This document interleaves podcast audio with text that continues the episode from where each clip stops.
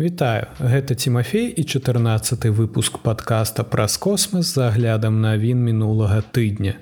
Сёння я раскажу вам пра доўгачаканую справаздачу аб НЛА, распрацоўку футурыстычнага касмічнага тэлескопа, пра яшчэ адзін марсаход, які заснуў назаўсёды на чырвонай планеце, новы арбітальны касмадром у Еўропе, самым спякотным годзе за ўсю гісторыю назіранняў і іншым. Давайте пачынаць.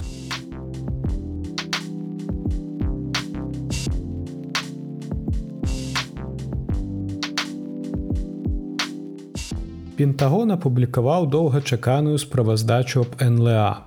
Несакрэтная гадавая справаздача аб неапазнаных паветраных з'явах або НПЗ за 2022 год была нарэшце апублікаваная ўпраўленнем дырэктара нацыянальнай разведкі пентагона пасля шматмесячнай затрымкі. Праваздача была санкцыянавана законам аб нацыянальнай абароне 2022 года і была створана кіраўніком нацыянальнай разведкі па авіяцыі і нядаўна створаным упраўленнем па пошуку анамалій ва ўсіх абласцях. Інфармацыя была атрымана ад розных агенцтваў разведвальнай супольнасці і органаў ваеннай разведкі. Таксама федэральнага ўпраўлення грамадскай авіяцыі, нацыянальнага ўпраўлення акенаграфіі атмасферы, міністэрства энергетыкі і NASAа справаздача ахоплівае каля 510 каталагалізаваных справаздач сабраных агенствамі якія удзельнічалі ў справаздачы і падраздзяленнямі ўзброеных сіл ЗША у дакуменце зазначаецца што большасць з іх былі атрыманы ад персаналу вМС ЗША і вПС ЗША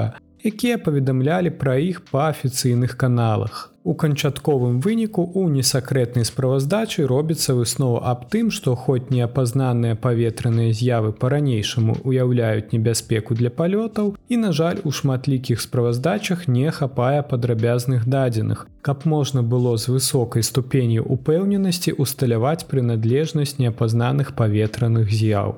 З гэтых 510 поўных справаздач кіраўніцтва ўзяло 366 якія былі ўпершыню ідэнтыфікаваны з моманту стварэння ўпраўлення. З іх 26 былі ахарактарызаваны як беспілотныя авіяцыйныя сістэмы або беспілотнікі. 163 былі аднесены да паветраных шароў, а 6 былі прызнаны паветраным смеццем, такім як птушкі або пластыкавыя пакеты для пакупак. Такім чынам, паводле справаздачы застаецца 171 паведамленне аб назіранні НПЗ, якія застаюцца нехарактарызаванымі і неатрыбутаванымі. Некаторыя з гэтых нехарактарызаваных НПЗ, відаць, прадэманстравалі незвычайныя лётныя характарыстыкі і патрабуюць далейшага аналізу, гаворыцца ў справаздачы.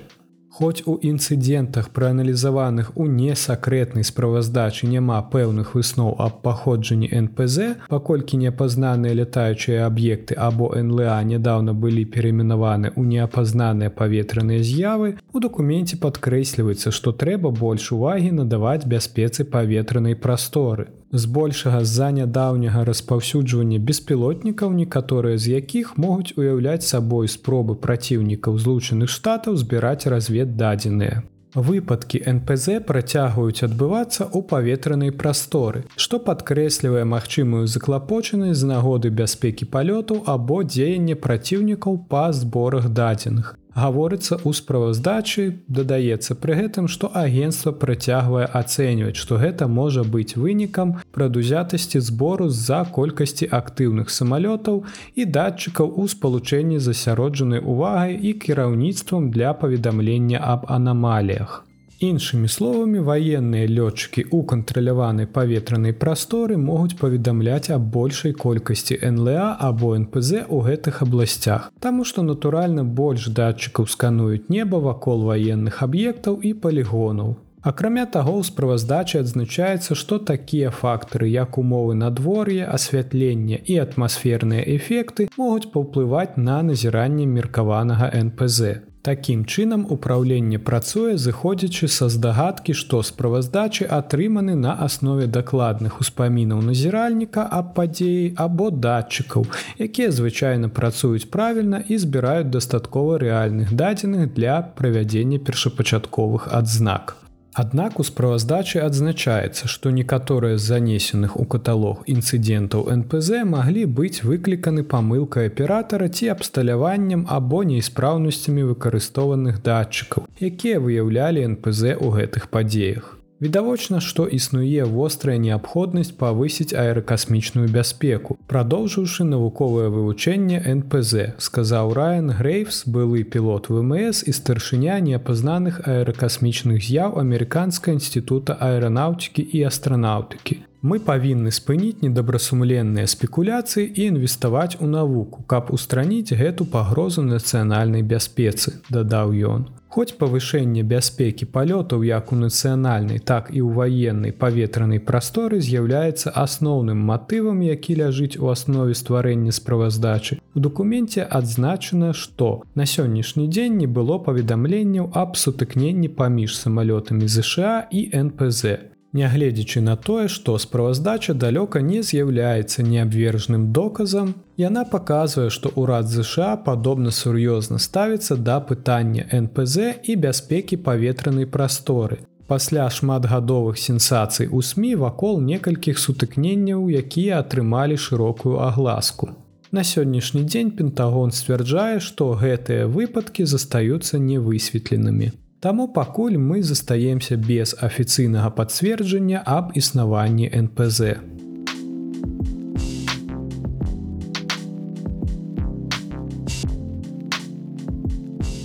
Але калі вас засмуціла папярэдняя навіна аб НЛА, то наступная крыху падбадзёрыць.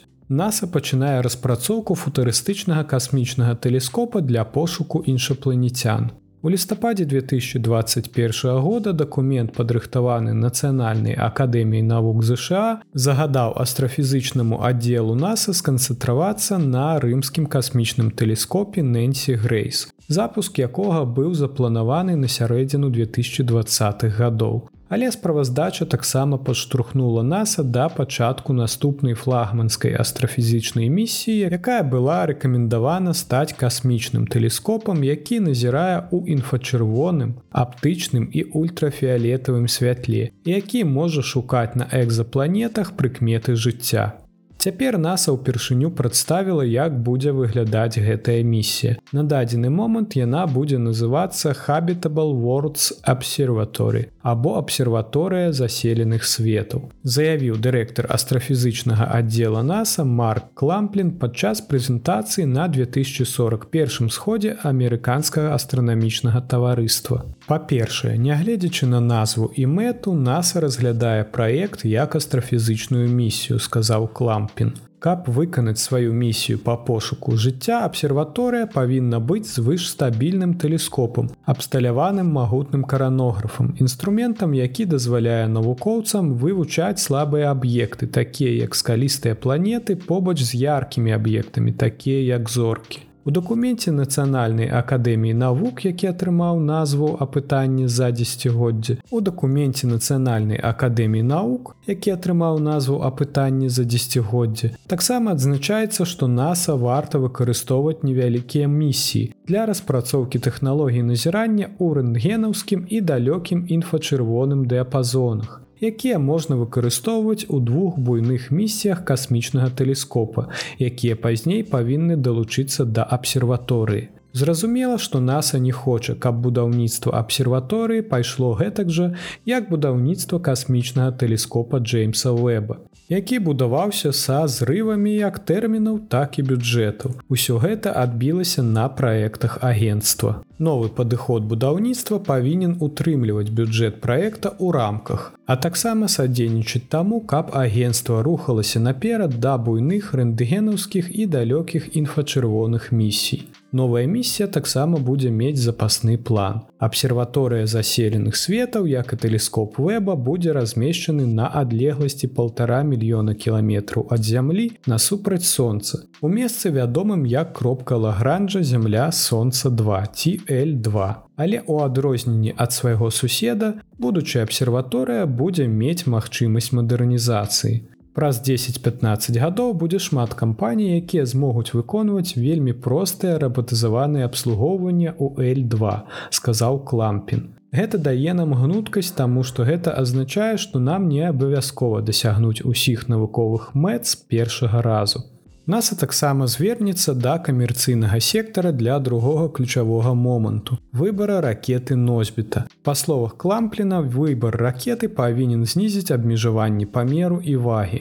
Напружаная двухтыднёвая паслядоўнасць разгортвання тэлескопа вэба з больш за 300 патэнцыйнымі кропкамі адмовы для завяршэння місіі была рэалізавана для таго, каб масіўная люстэрка і сонцахавальны казырок тэлескопа змясціліся ў абцякальніку яго ракеты Ariан 5 шырынёй 4 з паловай метра. Але будучыя ракеты праектуюцца са значна вялікай грузавой прасторай. Напрыклад, ракета Blue Origin New Glen спраектаваная так, каб несці абцякальнік шырынёй 7 метраў. А SpaceX Starship будзе мець абцякальнік шырынёй 9 метраў па дадзеных кампаній.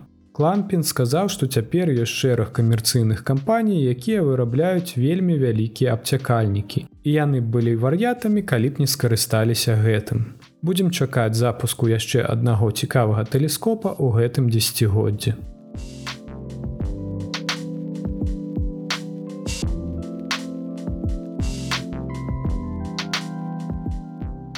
Яшчэ адзін марсаход заснуў назаўсёды на чырвонай планеце, але ўсё яшчэ застаецца надзея. Кітайскі марсаход Джуронг захоўвае маўчанне, нягледзячы на тое, што чакалася, што ён прачнецца ў снежні. Але ўсё яшчэ ёсць надзея, што апарат зможа абудзіцца ад сну. Чужурон з'яўляецца часткай Тиан Вн1, першай кітайскай межпланетнай місіі, у якую таксама ўваходзіць арбітальны апарат Марса. Марсаход прызямліўся на раўніне утопія на чырвонай планеце яшчэ ў траўні 2021 года і правёў шэраг навуковых і даследчых работ. Перш чым у траўні 2022 года увайшоў у стан спакою, каб перачакаць халодную суровую зіму ў паўночным паўшар'і Марса. Чакалася, што Джуронг прачнецца ў снежні, прыкладна падчас вясновага раўнадзенства на Марсе. Аднак да гэтага часу сам марсаход і яго аператары ў Кіаі захоўвалі маўчанне, паведамляючы толькі аб магчымых праблемах з касмічным караблём. Тым не менш застаецца надзея, што Джурон проста перажывае халаднейшае, чым чакалася умовы і можа ўсё яшчэ прачнуцца і аднавіць дзейнасць.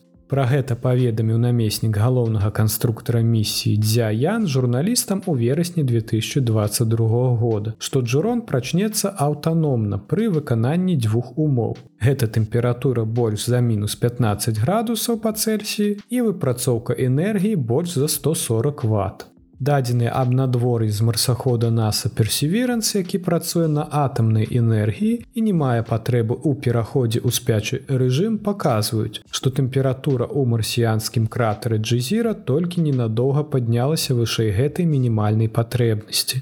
Персеверанс таксама знаходзіцца прыкладна ў 7 градусах шыраты на поўдзень ад джуронг і такім чынам бліжэй да марсіянска экватара. А гэта азначае, што ён таксама можа адчуваць крыху больш спрыяльныя умовы, чым кітайскі марсаход.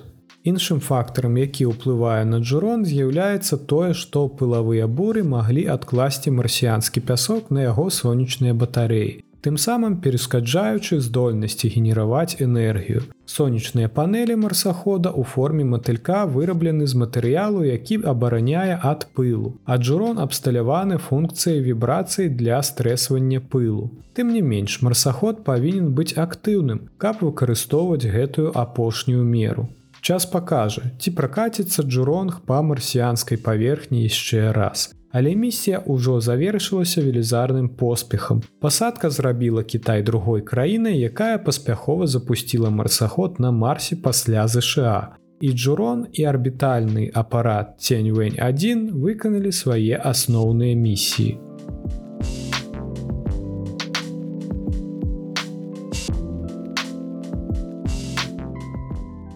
SpaceX і NASA нацэліліся на запуск астранаўтаў Крю 6 на 26 лютага. Наступная місія астранаўтаў SpaceX пачнецца ўжо ў канцы наступнага месяца, калі ўсё пойдзе па плане. Крю-6 адправіць капсулу SpaceX Dragon Endeavor на ракете Falcon 9, якая будзе запущена з касмічнага цэнтра Кеннеді NASA ў Флорыдзе. Місія названа так таму, што гэта будзе палёт шасці астранаўтаў па кантракце, па якому SpaceX павінен даставіць астранаўтаў на МКС для NASA. Але Крю-6 насамрэч стане 9 пілатуймай арбітальнай місіяй для кампаніі Ілна Маска ў цэлым. Місія Крю-6 вельмі інтэрнацыянальная. У склад экіпажа ўваходзіць два астранаўты NASA Стывен Боуэн і Вудзі Хобург. Султан Аль-Ніядзі з аб'яднаных арабскіх эміратаў і расійскі касманаўт Андрей Фадзеев. Крю-6 на кароткі час будзе пересекацца з Крю-5 SpaceX які стартаваў на мкс у кастрычніку мінулага года. Як нядаўна заявілі прадстаўнікі наса 4 астранаўта крю 5 вернуцца на зямлю неўзабаве пасля прыбыцця на станцыю крю 6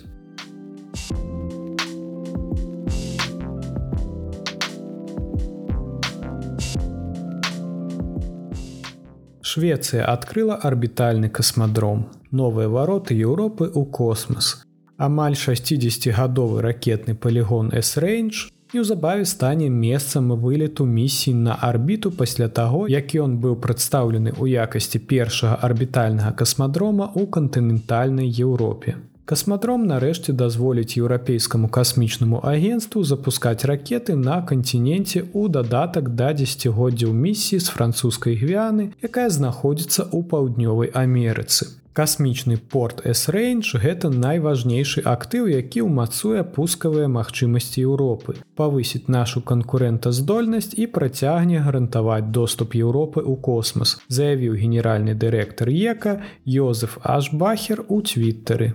Па словах менеджера касмадрома арбітальныя запускі пачнуцца з касмадрома ўжо ў гэтым годзе. Новы аб'ект дапаўняе кластар еўрапейскай камерцыйнай касмічнай дзейнасці, якая конкуруе за доступ у космас па ўсім канціненце. Virgin Орбіт распачала сваю першую хоць і беспаспяховую спробу адправіць спадарожнікі на арбіту з брытанскага касмадрома Корнуэл 9 студзеня з мадыфікаванага самалёта.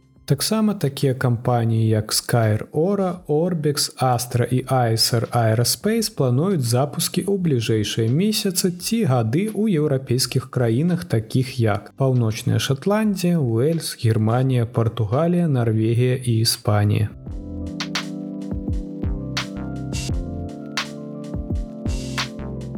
2022 год стаў пятым самым спякотным годам за ўсю гісторыю назіранню. 2022 год быў адным з самых цёплых за ўсю гісторыю назіранню. Нягледзячы на астужальныя умовы ланінья характэрныя для трапічнай часткі ціхага акіяна. Што яшчэ горш канцэнтрацыя сагравальных парніковых газаў у атмасферы зямлі дасягнула новага максімуму ў мінулым годзе. У той час як палярныя рэгіёны працягвалі награвацца з галовак кружнай хуткасцю паводле новых дадзеных апублікаваных вядучымі сусветнымі агенствамі па маніторынгу клімату.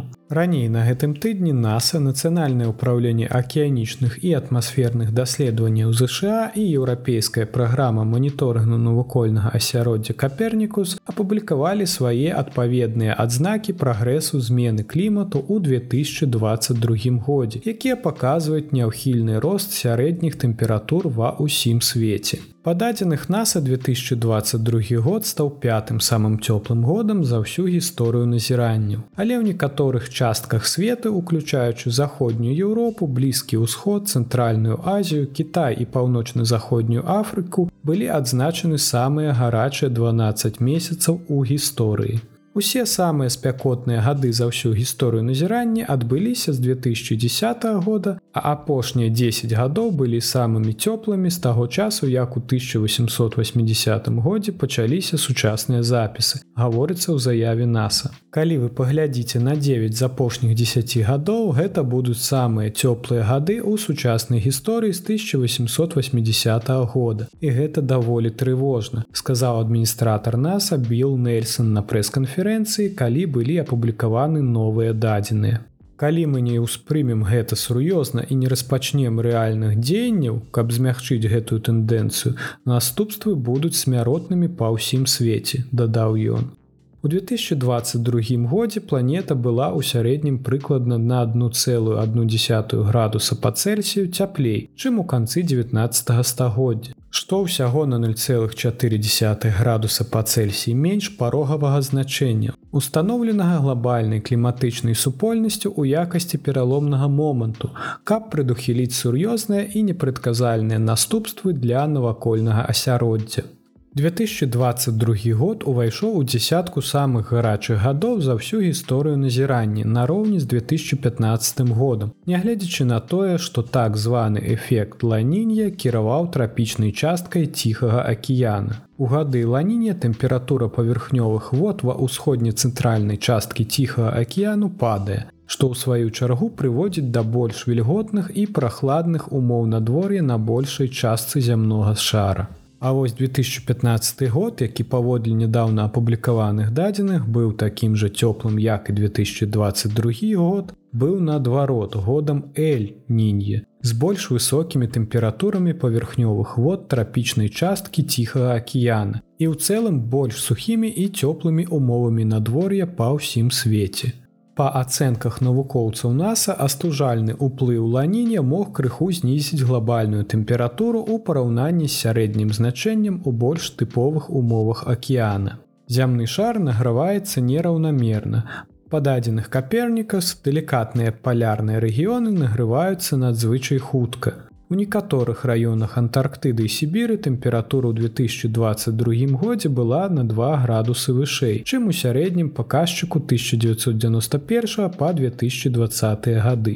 Цеплыня пагоршыла гадавую страту марскога лёду. У мінулым годзе ў антарктычным рэгіёне была зафіксавана другая самая нізкая зона марскога лёду Толькі ў 1987 годзе ў разгар арктычнага лета адбылося больш масіўнае раставанне марскога лёду. Ранейшае даследаванне, якое падтрымліваецца NASAа паказала, што Арктыка, плавучая ледзяная шапка, якая ахоплівае паўночны полюс зямлі і прылеглыя раёны паўночнай Еўропы і Азіі, можа награвацца з вельмі вялікай хуткасцю хутчэй, чым у сярэдняму свеце І як чакаецца, гэтая тэндэнцыя не спыніцца, што намякае на паскоранае плаўленне ледзяных шчытоў і павелічэнне ўзроўню мора ў будучыні. Навукоўцы ўпэўнены, што наперадзе нас чакаюць рэкордныя і амаль рэкордныя гады. Акрамя траплення ў дзясятку самых высокіх тэмператур у 2022 годзе таксама назіралася павелічэнне канцэнтрацыі вуглекіслага газу і метану ў атмасферы, двух асноўных фактараў, якія садзейнічаюць росту тэмпературы. За апошнія 2 мільёны гадоў у паветра не было такой колькасці вуглякіслага газу. У той час, як наяўныя навуковыя дадзеныя паказваюць, што канцэнтрацыя метану з'яўляецца самай высокай за больш чым 800 тысяч гадоў. Калі не адбудзецца буйное вывяржэнне вулкана, ёсць стоадсоткавая верагоднасць таго, што бліжэйшыя гады мы зноў апынемся ў першай дзесятцы. Вывяржэнні вулканам часам часова зніжаюць глобальную тэмпературу, кідаючы вялікую колькасць попелу, які адлюстроўвае сонечнае святло ў стратасферу. З іншага боку некаторыя вывяржэнні ў вулканаў, напрыклад, леташні выбах у хунтонг могуць спрыяць пацяпленню. Метадам выкідвання вадзянога пару, які таксама трымае цяпло на вялікіх вышынях атмасферы. Аднак уклад хунтонга ў спякоту 2022 года быў настолькі невялікім, што вымерыць яго немагчыма.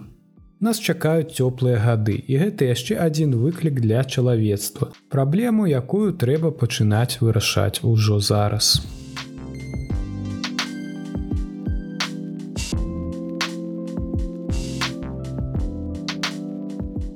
Гэта ўсе навіны, пра якія я хацеў расказаць вам у выпуску. Цяпер паговорым аб падзеях наступнага тыдня. Палёт, які адкладаўся ўжо сем разоў. Rocket Lab Электрон плануе стартаваць 23 студзеня ў 23 гадзіны вечара па Грынвічу з трымя спадарожнікамі для Хаук I360 сярэднеатлантычнага рэгіянальнага касмадрома ў Вірджыніі. Гэта будзе першая місія Rocket Lab з новай стартавай пляцоўкі ў Вірджыніі. Hawk i360 пастаўшчык радыёчастотнай геапрастранственнай аналітыкі. Іх сузор'е складаецца з 15 спадарожнікаў і прызначана для дакладнага картаграфавання радыёчастотных выпраменьванняў у любым пункце свету. Гэтая сумесная місія ўключае ў сябе тры спадарожніка Hawk I, а таксама іншыя карысныя нагрузкі, аб якіх не было абвешчана. Ракета SpaceX Falcon 9 запусціць яшчэ одну партыю інтэрнэт-спадарожнікаў Starlin 24 студзеня. Это будзе другі запуск у новую арбітальную абалонку для групоўкі SpaceX другога пакалення Starlink, якая завецца Starlin Gen 2. Ракета носьбіт першай прыступкі Falcon 9 прызямліцца на беспілотны карабель у атлантычным акеане. 24 студзеня з касмічнага цэнтра Танегасіма ў Японіі японская ракета H2A запусціць спадарожнік радыёлакацыённай разведкі IGS радар 7 для сеткі японскіх спадарожнікаў па збору інфармацыі для цэнтра спадарожнікавай разведкі ўрада Японіі. Спадарожнік будзе служыць як для нацыянальнай абароны Японіі, так і для назірання за стыхійнымі бедствамі. І гэта ўсё, што нас чакае. Дзякуй, што даслухалі падказ да канца. Асаблівая падзяка маім патронам. Калі вы не ведаеце, то ў мяне ёсць патрыон і вы заўсёды можете далучыцца. Да пабачэння пачуемся на наступным тыдні.